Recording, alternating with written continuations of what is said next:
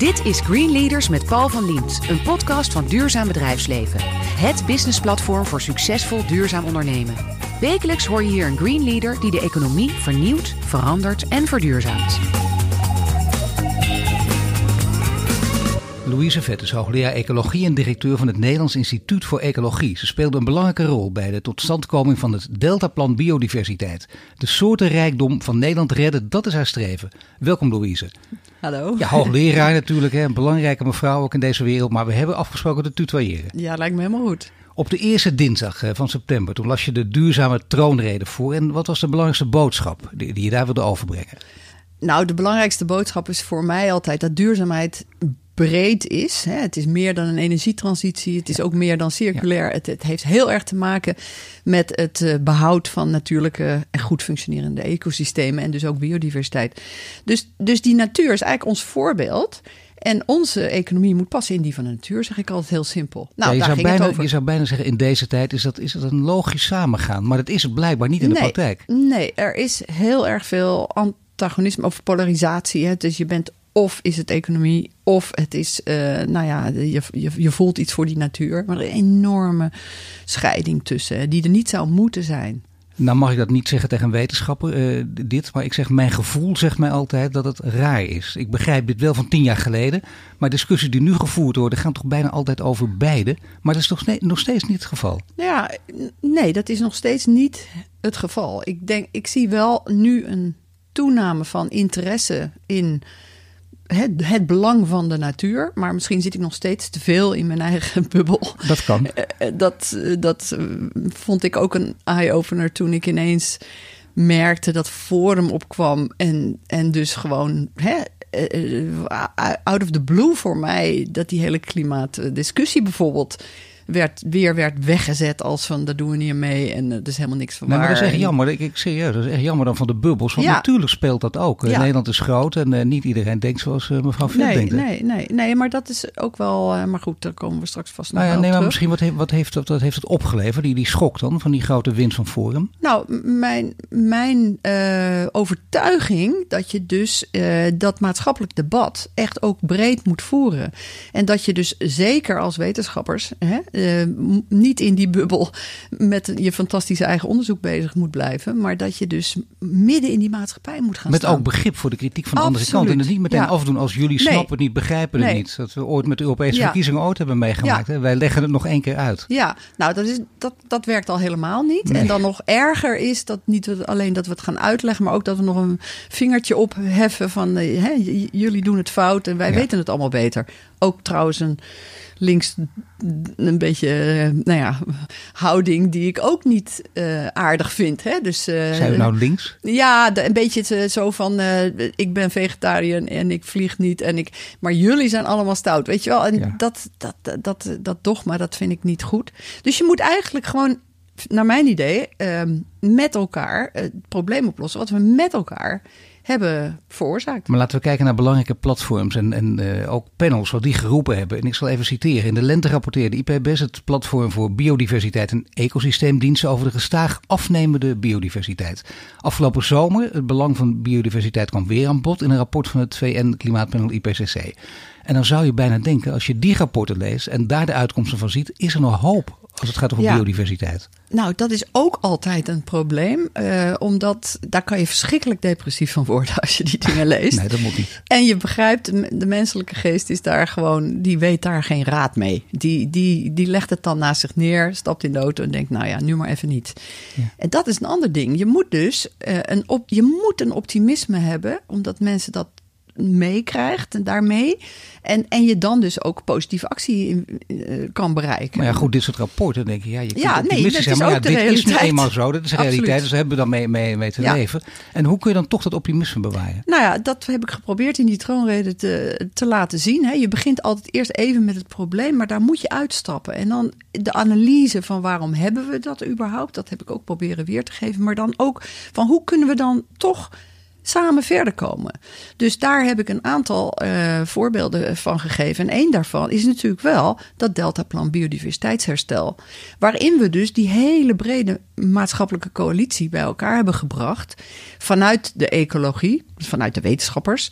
Die het helemaal zat waren dat we altijd 30 jaar lang aan de kant staan. Van ja, dit, hè, het gaat allemaal slecht met de wereld. Maar we hebben geen invloed. Nou, hoe heb je wel invloed? Doordat je zegt van nou, we gaan met elkaar proberen, hè, al, al zijn onze belangen heel verschillend, dat we dezelfde stip op de horizon hebben. En dan wordt het een uitdaging. En die stip op de horizon, dat moet een positieve stip op de horizon zijn, waar je allemaal eigenlijk wel naartoe wil. Alleen hoe kom je daar dan? Want jouw belangen zijn zo en mijn belangen zijn zo. Dat betekent dat je in elkaars huid moet kruipen en moet begrijpen. Je moet luisteren. En dan krijg je dus op een gegeven moment: oké, hoe komen we daar? En dat noem ik dan eigenlijk het nieuwe polderen, polderen 2.0.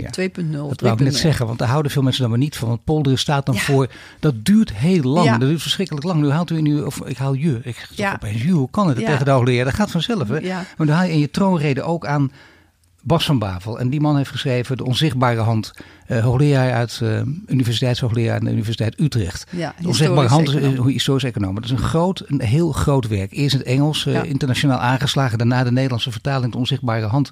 En dan gaat het over uh, opkomst, bloei en verval van markteconomieën. En hij zegt ook, er is sprake van een radicale ommekeer. Er moet een systeemverandering komen. Ja. Dat is net wat anders dan polderen 3.0. Vooral ja. als je zegt dat je er middenin zit. Ja, nou ja, maar kijk, een systeemverandering, daar, daar moet altijd een voorlopergroep zijn, hè, die een bepaalde kritische massa krijgt. En dan kan je een transitie in werk ja. kan, kan komen.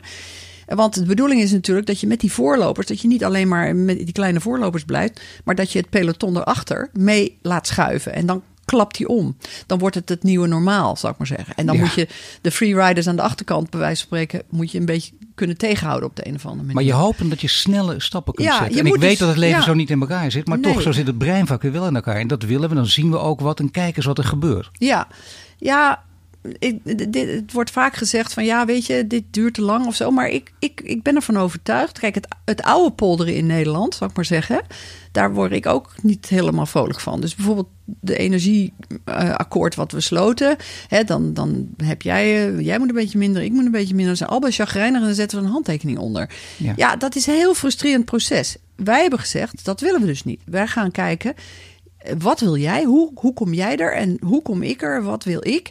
En waar vinden we elkaar? En waar zouden we elkaar dus kunnen versterken? Dus een beetje 1 plus 1 is 3. Want dan vind je synergie. En dat is natuurlijk niet het totaalpakket, maar dat zijn onderdelen waarin je samen stappen kunt maken. Nou, Natuurlijk, maar moeten we samen stappen of stapjes maken? Of is er sprake nou van, een, van een radicale omwenteling? Want dat klinkt zo activistisch. Bas van Bavel is, is bepaald geen activist. Hij zegt ook, mijn boek is niet links of rechts. Dat doet nee, niet toe. Het is een, een, vrije oefening in denken. Daar gaat het ook om. Ja, nou ja, zo zie ik die ecologische modellen die hij dus ook heeft gehanteerd. Die worden in verschillende andere vakgebieden ook gebruikt. Um, en een ecoloog als C.S. Holling en, en, en ook Marten Scheffer in Wageningen, die, die, die zijn heel interdisciplinair ook aan het kijken van hoe, hoe werkt dat nou eigenlijk? En ik vind het heel mooi dat we dan vanuit de natuur kunnen redeneren. En dan zie je dat Bas van Bravel eigenlijk dezelfde, in onze eigen economie, dezelfde processen ziet. dus ik, ik geef dan een ecologisch voorbeeld. Ja, dat je pioniersoorten hebt en een diversiteit aan soorten. En uiteindelijk een soort successie, hè, soorten veranderen. En dan krijg je een paar dominante soorten en zo. En dan wordt het systeem helemaal helemaal rigide. Dan wordt het niet meer veerkrachtig. Nou, dan komt er een, weet ik veel, een, een, een droogteperiode of iets dergelijks. En dan, ja, dan kan dat systeem daar helemaal niet meer uh, aan aanpassen. En dan knalt het. En op dat moment zie je dat er allerlei innovaties, in, in dit geval zijn het dan andere soorten, die een kans krijgen. Maar dat is het mooie van zo'n harde omwenteling dus ook. En ja. dan krijg je inderdaad innovaties. En dan betekent niet dat de wereld instort, maar dat er iets nieuws komt. Ja, zeker. Dus ja, uh, dat is mooi. Oh, dat is mijn telefoon. ja, maar dat is geweldig. Nee hoor, die laat maar even lekker okay, Ja, tenzij het een heel belangrijk bericht nee, is, dan nee, kunnen we het gewoon even meenemen er, nu. Hij gaat er gewoon vandoor. Misschien is het Bas van Bavel willen, je weet het nooit. dat dus, nee, dat kan bijna niet. Je gebruikt ook het woord multidisciplinair. En dat was wel interessant. Dat klinkt een ingewikkeld woord, maar uiteindelijk komt het erop neer dat je zegt: we moeten niet alleen ons eigen hokje kruipen. Je moet gewoon met meerdere mensen Ja. op de tafel. Dus dat betekent alfa-wetenschappen, beta-wetenschappen, gamma-wetenschappen, allemaal bij elkaar. Dat is ook redelijk nieuw. Dat dat gewoon nu wordt aangehangen. Is, is dat, kun je dat werkelijk zien als een nieuwe noodzakelijke stroming? Nou, het, het, het wordt al heel lang geroepen dat dat echt hartstikke belangrijk is hoor. Maar de Maar het praktijk. is, het, de praktijk is, eh, is best Weerbarstiger, moeilijk, weerbarstiger. Aan de andere kant, als we in de wetenschap kijken, dan zien we dat er hele innovatieve oplossingen juist komen op die grensgebieden van disciplines die vaak van tevoren eigenlijk nauwelijks met elkaar contact hadden. Hè, stop, stop ze in een hok met elkaar, bij wijze van spreken, en zeg van nou, we hebben dit probleem, hoe gaan we dit met z'n allen oplossen? Dan zie je dus hele, hele nieuwe, out of the box, uit je bubbelachtige voorstellen. En zo heb ik dat eigenlijk ook gedaan met, eh, nou ja, toen ik een heel nieuwe vestiging voor, voor, voor mijn instituut moest bouwen. Dat je bepaalde dingen helemaal anders wilde doen. Maar hoe doe je dat dan? Ja, wie moet je daar nou, wie moet je dat nou vragen? Hè, Voor dus, duidelijkheid, het, instituut. het Nederlands Instituut voor Ecologie. Daar, Zeker. wij, ik had drie vestigingen. Dan moest Ja. ik er twee van eh, nou, nieuwbouw moest daar komen. En ik zei ja, als ecologe nou niet het goede voorbeeld geven hoe, hoe je Tuurlijk. met die natuur kan werken. Dus wij, we hebben daar een nieuw energieconcept. We hebben daar eh, hè, het circulair concept. En we hebben daar biodiversiteit. eh, maar daar deed eh, iedereen en- aan mee. De architect, maar ook de wereld van het ja, maar vastgoed. je kan het niet aan de architect zelf vragen. Want die zegt, huh? weet je wel. En de bouwer, Ja. die heeft het ook nooit gedaan. En de, Nee. Maar, maar je, je, moet het ook eigenlijk niet aan een wetenschapper vragen. Je moet het aan een, aan een projectgroep vragen die elkaar hè, aan tafel zitten. Dat je zegt, van, hoe, hoe gaan wij hier de water- en, en nutriëntenkringloop sluiten? Hè? Van eh, ja, ja eh, eh, degene die de wc's moet bouwen, die vroeg op een gegeven moment: Maar mevrouw, u wilt toch nog wel een toilet? Hè? Of zo. Ja. En waar moet die dan komen? Weet je wel? En, en, en het is eigenlijk wel heel erg leuk dat je dan toch tot iets komt wat, wat een stap verder is in innovatie. dan je zou hebben kunnen doen in je, in je eentje. Ja, maar dan kom je altijd op de vraag. Het is, het is ook heel leuk, het is spannend, maar het is ook een experiment. Daar schrikken mensen vaak van, want het kan Ja. ook mislukken. Dat Ja. hoort bij experimenten, Ja. dus dan wil je vaak degelijk zijn. Maar ik begrijp, je durft zelf wel verder te gaan en ook voorloper te zijn. Het is belangrijk dat je zelf als persoon, maar ook als land, wij als een kleine. Nederland, dat we voorloper zijn. Ja, en, en dat, je hebt het heel goed gezegd. Daar is geen innovatie zonder risico. Dus je moet op een gegeven moment. eh, Voorlopende mensen zijn vaak eh, hè, risk-prone. Die, die, Ja. die durven dat wel. Ik heb er ook wel eens van wakker gelegen. Van als dat misgaat met zo'n nieuw energieconcept. Wie moet er nou op de blaren zitten en zo. Nou, en ik denk. Ook voor de overheid is belangrijk te weten dat als ze echt willen innoveren, nu met allerlei, allerlei dingen, uitdagingen in de maatschappij die we aan moeten pakken, die ook de regering natuurlijk een belangrijke rol bij moet spelen. Eh, ja, eh, dan moeten we misschien soms ook fondsen hebben om bepaalde risico's af te dekken, omdat je die niet alleen maar bij één persoon kan leggen. Denk aan, eh, nou ja, ik zal maar zeggen, een transitie in de landbouw. Je wil dat een grondeigenaar of een boer in dit geval eh, anders met zijn grond omgaat. nou, dan Ja, vraag je nogal wat inderdaad. ja, dan vraag je nogal wat. zeker. En dan kan je niet alleen maar dat risico bij een boer neerleggen. Dan moet je zeggen van, oké, als wij dat met z'n allen willen... dan moeten wij ook zorgen dat dat financieel haalbaar is voor deze grondeigenaar Is, is dat op dit moment financieel haalbaar of is daar nog een wereld te winnen? Daar is nog een wereld te winnen. Daar werken we ook heel hard aan, samen met de boeren. Hè, maar ook met allerlei andere stakeholders, zoals dat zo mooi heet. Dat je zegt van eh, wij willen, wij willen niet meer die maximalisatie van productie alleen maar in die landbouw. Wij willen toe naar een systeem waarin je hè, veel meer werkt met de natuur dan ertegen. Ik zeg altijd chemische bestrijding bijvoorbeeld is tegen de natuur werken. ja. Biologische bestrijding is met de natuur werken. Hè?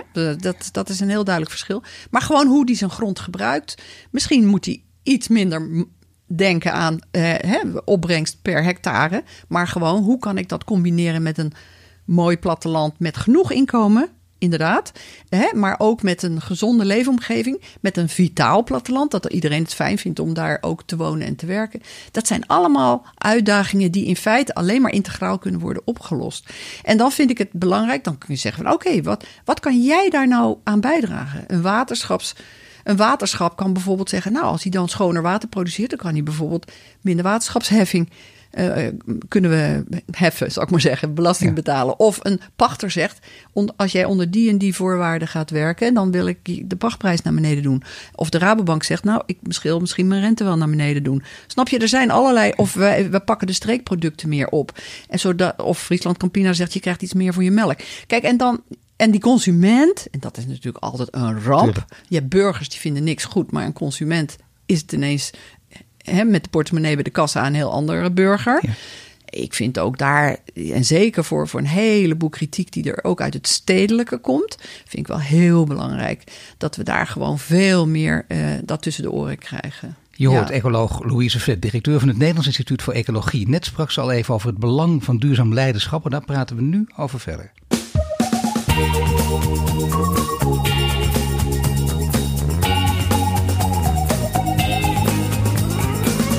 Bij de studio Louise Vet. Net spraken we over haar duurzame troonrede. En nu praten we verder over haar achtergrond. Ik las dat eh, de soortenrijkdom eh, van Nederland, om de soortenrijkdom van Nederland te redden, dat dat je streven is. Maar ja, ben je daarmee geboren? Ben je bijvoorbeeld als kind, sommige mensen zijn, of, of denken, kijken terug en denken, ja, ik was toen acht, negen jaar en ik was daar in zekere zin, natuurlijk een andere bewoording, maar toch al mee bezig.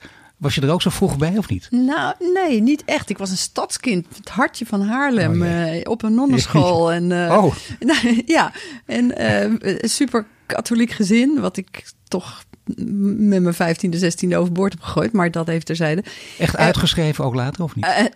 Nou, dat is een leuke anekdote. Dus toen ik, nou, mijn laatste huis inging, toen kwam er ineens iemand bij de deur of ik ook naar de lokale kerk wilde inschrijven. Ik zeg, wat? En dat is dus, daar moest ik wel om lachen. Blijkbaar wordt volgen ze je voor de rest van je leven dan nog. Maar nee, ik, ik ben wel uitgeschreven inderdaad. Maar, maar nou ja, maar ik vraag het even serieus. En dat betekent, dat is, Ja. dat is echt dat is een radicaal afscheid nemen. Dat Ja, sommige dat mensen denken, wel. ik blij- je bent katholiek opgevoed of, of anders. Maar in dit geval katholiek, dat blijf je toch altijd op een of andere Nee. manier. Maar jij denkt, ik heb het helemaal losgelaten. Ja, ik heb het. Ja, dat, dat, dat was echt eh, wel mooi. Een katholieke nonnenschool, waar je behoorlijk, behoorlijk een bepaalde kant op wordt geduwd, natuurlijk. Eh, wij mochten niet eens met de B-katholieken omgaan, want die geloofden niet in de paus of zo. Dan moest ik met een grote school, met een grote boog om die school, om die kerk heen, Ja, om die school een heen. Laat staan ja. protestant. Ja. dat was vreselijk. Maar toen kwam ik op een middelbare school en eh, dat was dan met Dominicanen. Maar daar, daar kreeg ik voor het eerst godsdienstonderwijs dat ik ineens hoorde dat er ook andere godsdiensten waren. Nou, dat had ik nog nooit gehoord op je twaalfde. En toen dacht ik, ja, maar als mijn mandje dus ergens anders had gestaan, dan had, was ik nou, was ik nou, ja, weet ik veel, boeddhist geweest of whatever. Of, en toen dacht ik, ja, en, en dan komt er, komt er iets van eh, een, een soort verbreding al. Ja. En, maar op een gegeven moment, ja, ik, ik, ik vond het toen zo onzinnig worden, moet ik eerlijk bekennen, dat ik dacht van, eh, wij zijn gewoon een diersoort eigenlijk. Nou, dat begon toen een beetje door te dringen, omdat je de diversiteit tijdens mijn studie biologie helemaal, de diversiteit van het leven en alle mooie processen. Dus ja, dan kan je niet meer fundamentalistisch denken, om het maar zo te zeggen. Wat, wat vonden je ouders daarvan? Nou, vreselijk, ja. ja. Nou ja mijn, ja, mijn vader overleed toen ik ergens tijdens mijn studietijd. Maar mijn, mijn moeder, die aan het einde van haar leven ging dementeren, werd steeds katholieker. En eh, dat, dat was op laatst ook wel een dingetje. Want dan belde ze mij op. En dan zei ze, wat doe je allemaal in dat lab? En dan had ze dan van de paus gehoord dat dat... Dat mag niet. Nee, dat mocht allemaal niet knutselen, weet je wel. En eh, dat deed ik helemaal niet. Maar dat, dat had ze dan in haar hoofd. En dan, eh, ja, dat was droevig. Ja. Ja. Maar goed, ik, ik, ben, ik ben dus een stadskind. En ik, ik, ik weet wel dat mijn... ja, ik bedoel, we gingen wel de natuur in. Een herfststukje maken in de herfst met blaadjes en paddenstoeltjes en dat soort dingen. Maar het was eigenlijk in de, op de middelbare school dat ik eh, een herbarium ook ging maken. En dat ik soorten wilde leren kennen. En, Maar laten we zeggen, op dit terrein zijn het niet je ouders, maar is het vooral de school geweest. Misschien wel Ja. leraren die, die het eerste zetje hebben gegeven, nou, of niet? Ja, ik, weet, ik, ik, waar, ik ging biologie studeren omdat ik dat zo fantastisch leuk vond op school. Ik had een fantastische biologieleraar dan. En, Weet en je nog die hoe die heet ook- of niet? Want het, Oh god, nee. Oh, wat Nee, zie meestal je weten mensen dat gewoon, dat is wat- spontaan. ja, nee, maar, nee, maar dat, dat, kan ik zo opzoeken. met... Ik begrijp het. Ja. Maar wel en hij was ook mijn scheikundeleraar. Dat was heel mooi. En die combinatie, dat, dat vond ik al een hele mooie. En toen ben ik toch biologie gaan studeren. En toen uiteindelijk eh, in mijn tweede jaar, mijn derde jaar, heb ik echt zoveel ecologie gekregen. Dat ik echt het veld in ging en, en, en veldwerk deed in Mijndel. En, eh, en, en, en met de, ja, dat was ook echt de tijd van, eh, van de defosfatering. Eh, de problematiek met al onze fosfaten, weet je wel. Dat, in feite alles verrijkt werd buiten. Want het water werd dan geïnfiltreerd in de duinen. En dan zag je in plaats van uh, prachtige uh, vegetatie die er zou moeten zijn, kwamen de brandnetels op en et cetera. Omdat het daar heel erg verrijkt werd. En, en toen begonnen we dus te defosfateren. Dat kunnen mensen van nu niet meer begrijpen. Geweldig woord, hè? Defosfateren. Ja, defosfateren. In alles zat fosfaat. Alle wasmiddelen. En zo. Overal moest het eruit. Dat moest er allemaal uit. En, zeg maar wat nu stikstof is, was toen fosfaat. Juist. Nou, breek me de bek niet open. Ja. De stikstof. Ja. Nou ja, liever wel eigenlijk. Ja, eigenlijk. Uh, nou ja, dat, dat moeten we nu oplossen, ja.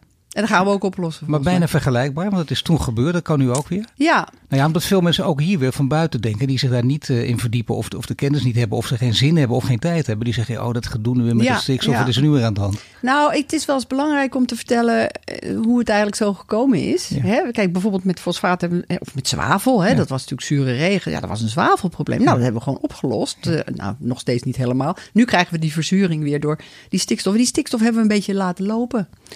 En uh, behoorlijk laten lopen. En dat betekent dus dat als je nu. Ja, we hebben nu zo'n zware stikstofdruk. En dat is een van de belangrijkste factoren van het verlies van biodiversiteit. Want die bodem die verzuurt. Hè. Kijk, we hebben twee soorten stikstof. We hebben heel veel ammoniak uit de, de intensieve veehouderij. Dat is de belangrijkste. Ja. En we hebben de, de, de NO, NOx, dus de, de andere uit de, uit de industrie en uit het verkeer, et cetera. En, maar nou goed, die stikstof die slaat neer hè, en die verzuurt die bodem. Die hele mineralen, die voedingsstoffenbalans die gaat weg. En, en dan een heleboel soorten kunnen daar helemaal niet tegen. Het, het, is, het wordt eigenlijk een soort toxisch voor een heleboel soorten. En vooral soorten die op arme grond, hè, voedingsarme grond. Als het toxisch wordt, dat is een gevaarlijk woord. Hè? Dan gaan de alarmbellen klinken ja, en dat betekent nou ja, dat we moeten oppassen. Ja, maar dat, het is dan wordt het een zootje. Het, ja, en, maar toxisch ook voor, voor planten en die weer van planten eten en zo. Hè? Dat bepaalde, bepaalde voedingsstoffen spoelen ook helemaal uit. Hè? Alles raakt in de war het gaat Alles raakt in de war. Ja. En dan krijg je dus een, een, een heel ja, een, eenvormig systeem. Biodiversiteit wordt minder, kwaliteit van planten wordt minder. En daarmee ook de kwaliteit van de planten voor de planteneters. En de, weer, de vogels die weer van de rupsen eten, die weer van de planten eten, et cetera. En dan gaat het in die hele voedselketen gaat het op een gegeven moment mis. Dat is een waarschuwing, hè? Dat, is de Ja. huidige, dat is de huidige discussie. Maar even terug naar je studietijd. Eh, Wanneer gloorde er een beroepsperspectief? Oh joh, dat zeg ik wel eens tegen mijn promovendi ook. Ik zeg, ik was gewoon zo lekker met die studie bezig. En vanaf mijn kandidaat, want dat was toen zo, ben ik, ehm, ben ik les gaan geven. Tien uur biologie op een middelbare school. En toen aan het einde daarvan, toen dacht ik... Ja, en toen werd me een baan aangeboden op die middelbare school. Nou, ik dacht, ja, nee, dat ga ik helemaal niet doen. Dat kan ik altijd nog wel doen. Ik wil wetenschap doen. En dat was... En niet om een baan te hebben, maar gewoon omdat ik dat Puur wilde. nieuwsgierigheid. Ja, is Ja, puur uit geweldig. Ver uit de beste reden, toch? Ja, en toen heb Ja. ik een grote pardon, eh, een projectvoorstel geschreven voor Amerikaans-Nederlandse eh, samen, of, eh, uitwisseling. Nou, dat was heel competitief, maar die kreeg ik. En toen kon ik een jaar naar Californië. En eh, weet je wel, dit soort. En dat, dat was gewoon de fascinatie van: ik wil dit uitzoeken. Volkomen begrijpelijk. En dat, dat wil je ook nooit, dan wil je nooit Ja. iets anders ook. En het is alleen maar leuk of interessant dat het ook steeds breder wordt. Hè? Multidisciplinair, Ja, maar steeds breder. Ja, Nu is er nog iets. Eh, dit, nu, nu, mensen die nu luisteren denken, nou Louise Vette, keurige mevrouw en zo. En geweldig wat ze allemaal doet. Eh, ooit wel eens ook dingen gedaan die, die niet eh, die, die in strijd waren met, met een gezonde lucht of met een gezond oh, leven. absoluut. Ja, oh, nou, toch gelukkig. ik zat in ne- 1978 eh, en 79 in Californië. Ja. Nou, eh, ik weet wel dat Nou, eh, qua. ik weet niet of ik dit allemaal Jawel, kom plein op. publiek. Nou ja, de, de, de, de, postdocs en de, en de promovendi Ja. die daar waren, die leefden in het lab. En die leefden ook heel ongezond. Hè? Dus die, die- sommigen stonden Ja. op met pillen en gingen neer met pillen. Dat deed ik dan nog niet zo hard. Maar het was Maar wel... wel een beetje. Je hebt Het toch was wel de wereld van het blowen Het weer- en, de en de cocaïne in, en, de, en, de, en de... Ja, dat super. De paddo's natuurlijk. Het was hippie-tijd. Het Maar was, blauwe cocaïne paddo's, dat heb je in, in, in, laten we zeggen, voor de, voor de duidelijkheid, met mate geconsumeerd. Maar in ieder geval wel geweten wat het is. Ik was zo nieuwsgierig altijd. Ja, dat ik het tuurlijk. wel, maar ah, doe het alsjeblieft niet. Want ik, Nee, je moet ook een nee. bepaalde persoonlijkheid Ja, maar dan hebben. krijg je altijd als je later terug hebt. Maar op dat moment, het- je moet alles in de tijd zien. Dat is geen dooddoen. Nee. Dat ben ik helemaal met je eens. Dat, dat, zo werkt dat ook. Maar eh, het, het- op een gegeven moment gaat het ook weer ja, voorbij. Dus. ja, absoluut. De, de, de, kracht die je in je voelt. Dat je stappen wil zetten toch in je carrière. Want ik ben altijd wel een heel ambitieuze Ja, zeker. dame geweest. ja. Maar ook op school al eigenlijk. Toch wel het beste meisje van de klas. Achtig, ja, dat had ik dan weer wel. Ook heel eigenwijs qua vrouwen, want ik kwam van een van, van die vrouw, van zo'n vrouwenschool, zou ik maar zeggen. Dus ik was helemaal geen jongetjes gewend. Maar dat jongetjes beter zouden moeten zijn dan meisjes, dat zat er bij mij niet in, in ieder geval.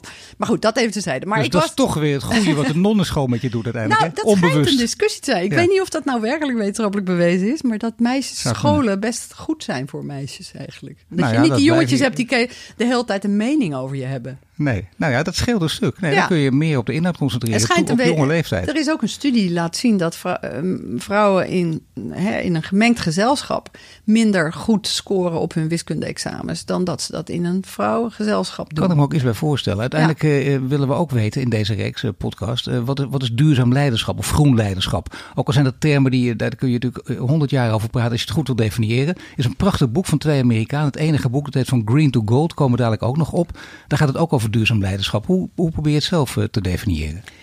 Nou, ik denk visie is, is, is één ding. En daar eh, keihard naartoe willen, op welke manier dan ook. Hè? De- de- toch een beetje. eh, maar goed, een premier die heeft ooit gezegd, visie is een roze olifant die Ja, de weg nou ja, dat vindt hij wel. Ik niet. Ik, eh, dat, dat vind ik eigenlijk al in die troonrede heel belangrijk. Hè? Dat je met z'n allen die stip op de horizon koestert en daar naartoe wil. Kijk, als je die niet hebt, kan, dan leiden alle wegen, eh, eh, alle wegen naar Rome of naar wat dan ook. Ja. Maar, maar je moet dus wel die stip hebben waarin je elke keer naar kan refereren. Ben ik dan op de juiste weg? Want je kan heel veel wegen inslaan die juist precies daar haaks op staan. Of weg. Dus ik zeg altijd, die blueprint voor mij, die moet komen uit hoe die natuur functioneert. En, en dat, is, dat is eigenlijk gewoon de blueprint. Hè? Dus zodat je nou, inspiratie haalt uit die natuur. Denk bijvoorbeeld aan circulaire economie. Dat is natuurlijk gewoon gebaseerd op het feit dat je weet dat het systeem al 3,8 miljard jaar. Ja, het mooie is dat je zelf altijd zegt, circulair is eigenlijk een web. Vind ik ook een hele goeie, want het wordt vaak vergeten in discussie. Maar daar lijkt het nog meer op, toch? Nou, het is een ecologisch concept. Het is gewoon Ja. zoals de natuur functioneert. Hè? En, en daar zijn wij nog zo slim dat we er ook nog allerlei draaien aan kunnen geven die beter zijn dan de natuur het zou kunnen doen. Hè? Laat ik dat ook zeggen. Het is inspiratie die je uit de natuur haalt. Hè, Nou goed, dat is circulariteit. Maar ook die energie komt van de zon. Al die energie komt van de zon. er gebruik van. Veel meer dan we nu doen. Ja, dan moeten we dus niet een. eh, Er zijn natuurlijk afgeleiden van. Ik, ik bedoel, afgeleiden van de wind is ook afgeleiden van de zon, in feite. Maar eh, dan, eh, dan weet je van tevoren, als je nou daarop gaat richten. en niet op het stomzinnig verbranden van biomassa in een kolencentrale. Hè, daar zit je dus op die verkeerde weg. Dan ga je dat infra. Dat hebben we dus nu helemaal verkeerd gedaan. Dan ga je dat infrastructurele logistiek helemaal inrichten. om die bomen over de hele wereld te verslepen. en in die kolencentrale. ja dan denk ik. Daar heb je toch wel visie voor nodig gehad. Dat je weet dat dat geen goed idee is. Maar daar heb je dus ook letterlijk leiderschap voor nodig. En dan heb je soms mensen die, die ongeduldig zijn. Die zeggen er moet een, een verlicht despoot aan de macht komen. Die, die even tien Ja. jaar de macht krijgt. En daarna nemen we het van hem af voor. Maken geen zorgen. En hij gaat geen gekke dingen doen. En niemand komt in kampen terecht. Maar toch, die kan even stappen gaan zetten. Ja, ik was er ook wel eens. Ja, ik, ik weet dat ik dat in het begin ook had opgeschreven in, het, eh, Zeker. in die troonrede. Ik weet niet of ik het er weer uit heb gehaald. Maar kijk, soms in China, hè, dat Ja. maken er een absoluut puinhoop van. Eh, maar ook tot de macht 10 le- eh, de oplossing. Hè? Want je, wij, Ja. hoeveel, hoeveel jaar zijn wij nou al niet bezig met die stinkbrommertjes die we eigenlijk niet willen? Hè? Daar zeggen ze dan gewoon van, nou, weg met die Zeker. brommers, punt. Hè? Of nu. En dat kan dan gewoon in Nou ja, China. even de democratie opzij zetten. Ja, dat zou ik wel lekker vinden af en toe hoor. Maar eh, dat mag natuurlijk helemaal niet. Oh, nou, dat is een heerlijke uitspraak. Ik zet er gewoon meteen een punt achter. Aan het woord is Louise Vet. Net spraken we over haar achtergrond. En zo praten we verder over hoe er geld valt te verdienen met duurzaamheid. Música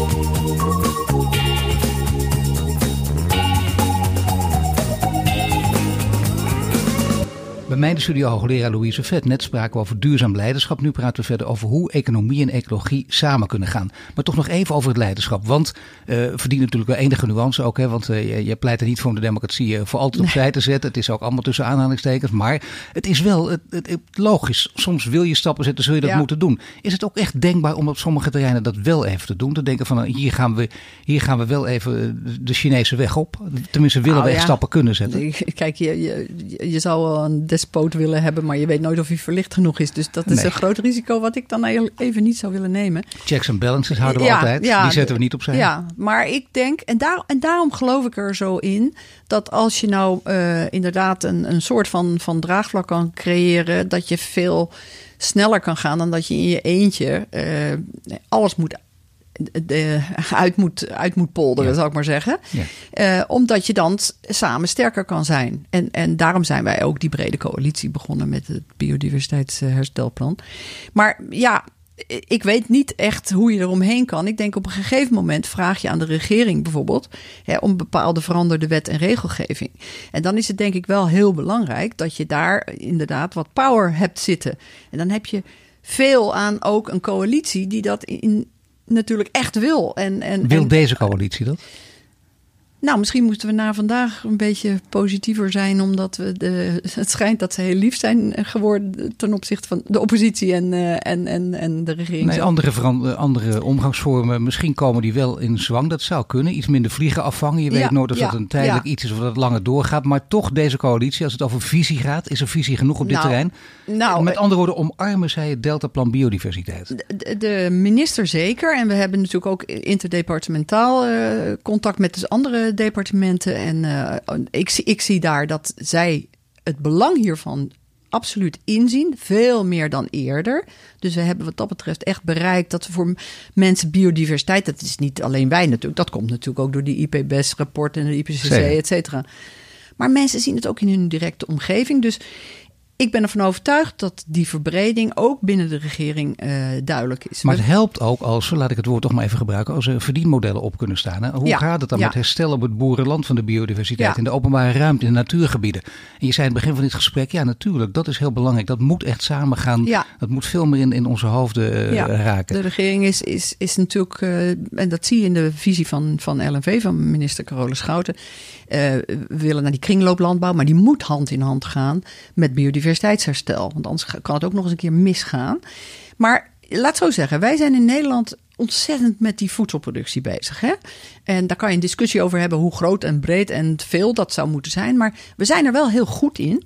En we zijn een kennisintensief land. En ik heb, en daar praat ik ook met de VVD en het CDA over. Ik zeg, als wij in staat zijn om in Nederland hè, echt goed, duurzaam voedsel te produceren met herstel van biodiversiteit daarbij. Dan is, zijn we eigenlijk een voorbeeld voor elke metropool. Want we zijn natuurlijk eigenlijk gewoon een metropool. Mensen gaan overal de hele wereld Ja, natuurlijk. En die trek is duidelijk. Door iedereen absoluut. al omschreven natuurlijk. Iedereen trekt vanuit het platteland naar de Ja, stad. en voedselproductie is in feite, eh, hè, ik zie dat ook in ruimtelijke zin, een heel belangrijk iets voor stedelingen. Moet toch het voedsel ergens vandaan komen? De, de, de, eh, hoe noem je dat? De, het contact tussen stedelingen en waar wordt mijn voedsel geproduceerd, zien we ook gebeuren. Om de Ja. steden heen is een ander type agrarische cultuur, zou je haast kunnen zeggen. Ja. Dan de zware intensiviteit die wellicht verderop zit, het grootschaligere. Maar wa- wat ik, wat ik, ja, ik denk dat dat dus echt een prachtig exportproduct zou kunnen zijn. Zoals we dat ook met onze waterkennis hebben gedaan. Hè? Dus Hoe, hoe, kunnen wij in feite internationaal het voorbeeld zijn? Letterlijk kunnen we dus van Absoluut. green to gold gaan. En hier kunnen Ja, we ook eh, geld in mee plaats verdienen. van de melk alleen maar daar naar, naar de andere kant van de wereld Maar hier moet je dus ook een multidisciplinair denken, maar op een ander terrein. Want hier krijg je, en je zegt het in je duurzame troon natuurlijk ook een paar keer, eh, maatschappij, maar vooral overheid en bedrijfsleven staan vaak eh, met de ruggen naar het toegekeerd. Of, of verketteren elkaar, of begrijpen elkaar nog steeds niet, of willen Ja. elkaar niet begrijpen. Terwijl je heel goed kunt samengaan. Sommige landen zie je daar grote goede voorbeelden van. Zou dat ook hier moeten, bij die verdienmodellen? Kan het bij beide intreden? Ja. Dat je eigenlijk hetzelfde belang nastreeft. Misschien wel zonder het direct te weten. Ja, nou ja, dat probeer je dus te bereiken. Dat is exact wat je probeert te bereiken. Dus op een gegeven moment zeggen Maar zie je ook voorbeelden daarvan waar, waarin dat lukt? Waarin het ook Ja. echt slaagt? Ja, ik, ik denk, ehm, nou ja, als je kijkt naar de voorloperboeren, hè, die dus meer natuur inclusief boeren, dan zie je ook vaak dat de verdienmodellen daar, die- zijn al iets eh, gedifferentieerder vaak. En die, die zitten niet zo in de, hè, in de wurggreep van de, misschien de allergrootste leningen die ze in het verleden hebben gedaan. Dus Ja. want daar ligt natuurlijk wel een hele hoop pijn. Maar je ziet wel dat als je dus die, die, die wet en regelgeving niet aanpast, dat die voorloperboeren ook kansen krijgen. Hè, dat, dat het ook nog mis kan gaan. Dus dat moet je doen. Je moet die voorloperboeren faciliteren. Maar je moet het ook aantrekkelijk maken voor, om, een, om een transitie in te gaan door de grote spelers. En daar heb je dus zo'n fonds voor nodig. Ja, daar heb je bijvoorbeeld een transitiefonds voor nodig, waarin je zegt, want het is vaak een valley of death, hè, waar, waar je doorheen moet. Bijvoorbeeld als je van eh, regulier eh, naar, naar meer eh, biologisch zou overstappen, bijvoorbeeld. Nou, dat, dat is een ander verdienmodel. Maar daar moet een boer dan wel een aantal jaren over doen. Nou, dan zou je kunnen zeggen, een biodiversiteitsfonds, waar LTO zelf ook Ja. Aan werkt. Hè? Dat, dus dat willen ze dan ook. En dat moet je dan dus doen met, samen ook met, uh, met de overheid of met partners. Maar als ik deze plannen hoor, als ik deze gedrevenheid ook hoor van Louise Vet, dan denk ik, wacht even, de roepen steeds om eindelijk een keer in Nederland eens een vrouwelijke premier te hebben. En liefst eentje met visie. Nou, die staat hier tegenover me. Ja, was het niet dat ik uh, uh, de politiek... Die vraag wordt niet voor de eerste keer gesteld. Dat is nou, die politiek is ook... Dat, dat vind ik ook best wel een, een moeilijk, een moeilijk terrein. Hè? Want ik ben een doener ook heel erg. Dat betekent dus, ik hou er niet van om een plan te schrijven en dat alleen maar in een la te leggen. En, en ja, dat, maar dat is misschien wel politiek 3.0 om dat samen te laten nou, gaan. Dat, dan zou ik het misschien wel willen doen. Nee, serieus. Bedoel, soms, nee, soms, zal die vraag komen, wordt er een getrokken, maar nee, geen enkele ambitie? Ik, nee, want ik heb mij ook politiek nooit verbonden met een bepaalde partij. Ja, maar dat hoeft ook niet, want op een gegeven moment kun je gewoon, dan word je lid van een partij, omdat het even moet. Ja, nou ja, dat, dat is nee. nee maar je stemt wel op een partij? Ja, ik stem wel op een Welke partij. Welke partij dan? Nou, dat, dat verschilt. Nou ja, welke dan? Waar verschilt het van? Uh, nou, ik, ik heb gestemd op GroenLinks en op D66 zo'n beetje. Die kant op. En, uh, soms denk ik, Partij van de Dieren heeft eigenlijk het beste wereldbeeld. Dat, dat ook. Dus uh, er, ja, ik zit natuurlijk wel aan, aan die kant. Maar aan de andere kant, ik begrijp heel goed... Maar niet het linkse vingertje. Nee, absoluut niet. Nee. nee. dat vind ik dan dus weer verkeerd. Nou, kijk, en, daar uh, heb je al de handreiking. Dan ja. kun je rechts ook erbij gaan betrekken. Bedrijfsleven, daar zitten ook linkse en rechtse mensen overigens. Daar kun je er ook meer bij gaan betrekken. Uh, ik noem een klein voorbeeldje. Dat is echt een klein voorbeeld, maar die hebben we natuurlijk ook in deze reeks. Jaap Korteweg van de Vegetarische Slager. En oh, oh, oh, Jaap Korteweg heeft zich laten overnemen door het groot bedrijfsleven. Natuurlijk nu helemaal op veel gebieden ook voorkomen terecht, maar veel gebieden misschien overdreven in, in een kwaad daglicht. Is dit een goed voorbeeld of niet? Nou, ik, ik vind dat dus echt onzinnig. Ik, ik vind het fantastisch om, uh, om rijk te worden met goede dingen doen.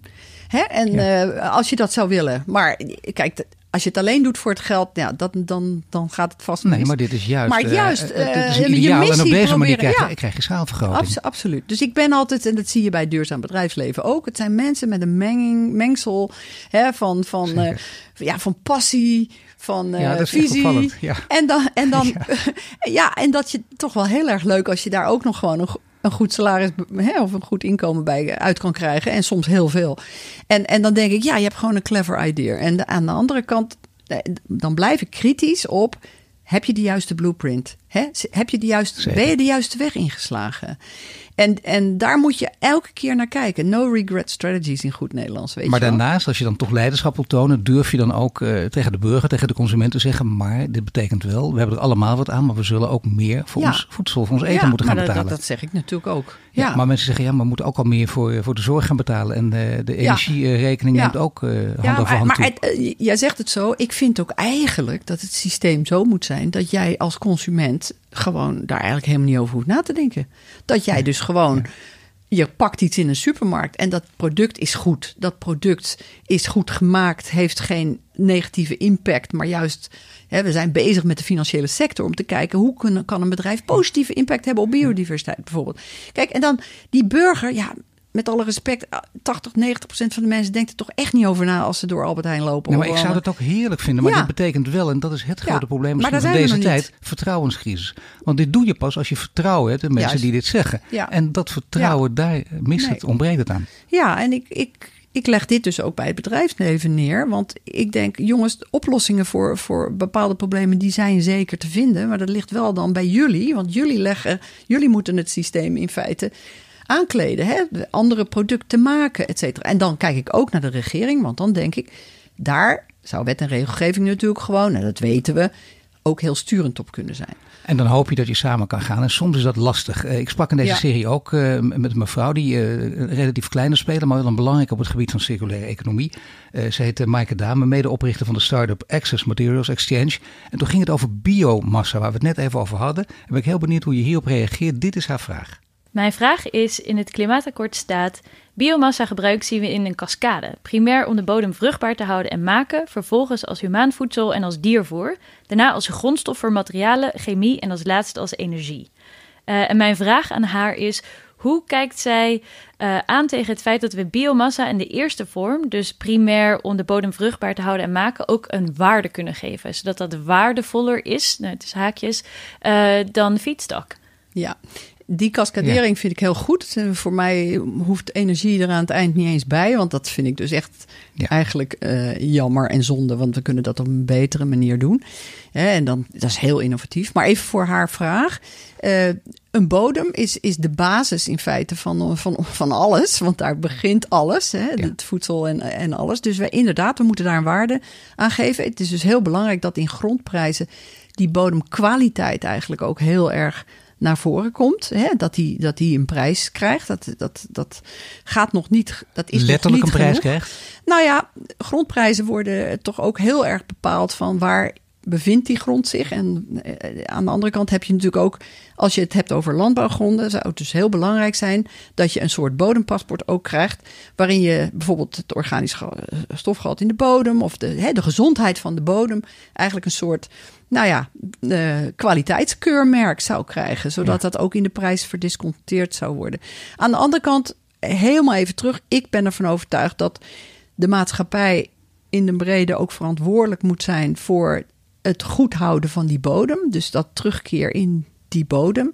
En ja, dat, dat zullen we, dat, daar zit niet een, een, nu al een bepaald prijskaartje aan, maar dat, dat zouden we wel moeten bereiken.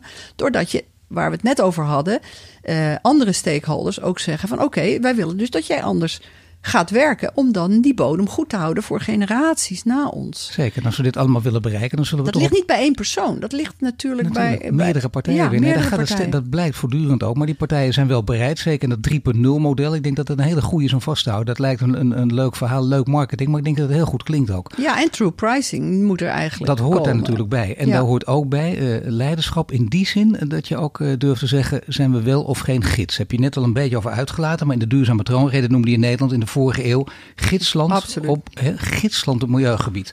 Wa- wanneer neemt Nederland die rol weer op zich, denk je? Letterlijk die rol. Nou, nu is de tijd, zou ik zeggen. Ja, nee, serieus. Gewoon, en dat bedoel ik niet omdat ik dat nou zeg, maar gewoon omdat ik zie dat allerlei dingen zo in beweging zijn. Gaan we even terug naar Bas van Wawel, gaan we even terug naar Ja. ecologische modellen van, jongens, we zitten zo rigide nu, het knalt. Innovaties worden vanaf nu, naar mijn idee, juist gezocht en niet meer onderdrukt. Nee, het is de tijd van ommekeer. Ja. Dus je zou zeggen, nu kun je ook Ja. toeslaan. Dus met een goede leider, Ja, een goede je- kapitein aan het schip gaat het lukken. Ja, en nou, niet alleen maar die kapitein, want het is dus Nee, die is saamhorigheid. eh, De kapitein gevoel. die gewoon eh, alles in beweging zet in ieder ja, geval. Ja, ik, ik, denk echt, ik denk echt in coalities. We moeten nu gewoon een strategische voorloperscoalitie hebben die doorzet. En waar iedereen bij wil zijn. En jij kan meer achter de schermen kijken dan ik. Wordt hier achter de schermen eh, worden hier eh, zoveel afspraken gemaakt dat je denkt, nou ik kan hier ook, want je praat er zo positief over. Ik kan hier ook werkelijk stappen. Wij gaan ook stappen zetten en die gaan jullie straks allemaal zien of niet? Nou, in eerste instantie ik- moet het altijd. Hè? We hebben het over transparantie, maar dat kan niet. Je zult altijd eerst even moeten aftasten. Ja. En ik wil weten, is er een beweging gaande? Ik denk het wel. Ik, ik denk dat er een beweging gaande is. We zijn nu. eh, we, hebben ook nu weer een nieuwe problematiek van de, hè, van de hele stikstofproblematiek. Waar ik verder niet al te veel over kan zeggen. Maar ik, ook daar zoeken we naar die integrale oplossingen. Maar kun je er iets over zeggen? Wie zijn erbij betrokken zonder namen te noemen? Nou, daar is ook weer een brede coalitie bij betrokken. Eh, waar, waarvan, kijk, iedereen weet nu dat, dat, dat er iets moet gaan gebeuren. En gelukkig is nu voor het eerst even heel duidelijk gemaakt dat het niet een probleem is van een natuurclub of iets dergelijks. Nee, dat we het gewoon hebben laten lopen. En dat we nu op de pof hebben geleefd en dat het nu anders moet. Dus nu zeggen we allemaal die hiermee bezig zijn. Ja, het moet toch eigenlijk echt wel naar bronvermindering, En jongens. allemaal is overheid, bedrijfsleven en kennisinstellingen. Nou, dat, laat ik zo zeggen, dat is eventjes een commissie waar van wijze die nu moet gaan. eh Klinkt steeds orde- spannender, hè? Ja, heel spannend. Maar dat, dat, dat zal op een gegeven moment moeten we werken aan een structuurverandering. En daar, daar zie ik ook bij de departementen zie ik toch wel een visie ontstaan van we kunnen niet doorgaan op de manier, want juridisch is het al niet haalbaar. Wanneer krijgen we openheid over, over de ideeën van de commissie stikstof? Nou, eind september, En september. Ja. Nou, dat houden we even in de gaten. zoiets. Oh, nou, dan kun je al vertellen, want dit wordt later uitgezonden. Nou, en dit is, maar dat is, dat is een commissie Remkes die is ingesteld, waarin we Ja. natuurlijk heel, heel op de korte termijn nu even moeten doen. Maar we willen verder gaan en ook Dat de departementen vooral, ja. gaan verder. En dat zal nog wel een jaartje duren, ja. Ja, ja maar let, kijk, dat valt mee. Ik bedoel, eh, ik, ben ook zeer ongeduldig, maar als het een jaar gaat duren, dan denk ik, nou, dat valt heel erg mee. Nou, inderdaad, ik denk de plan. Kijk, nu willen we al actie. Dat betekent dus dat er nu ook regie moet gaan liggen bij uh, de, de, de provincies die met de vergunningen bezig zijn en de steden, de, de gemeentes.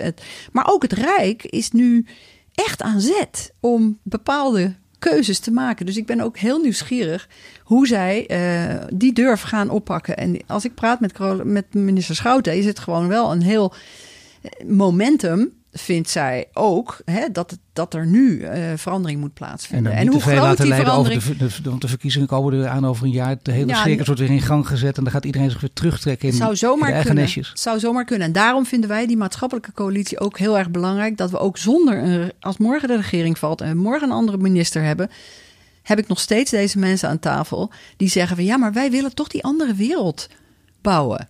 Ze is begonnen op de nonnenschool, maar ze is gelukkig zeer optimistisch gebleven. Hartelijk dank Louise. Je luistert naar de Green Leaders podcast van Duurzaam Bedrijfsleven. Volgende week zijn we terug met een nieuwe Green Leader. Dit was de Green Leaders podcast voor deze week. Volg onze website voor meer nieuws over succesvol duurzaam ondernemen. Wil je meer afleveringen luisteren? Abonneer je dan nu via iTunes of Spotify en krijg een melding wanneer er een nieuwe podcast online staat.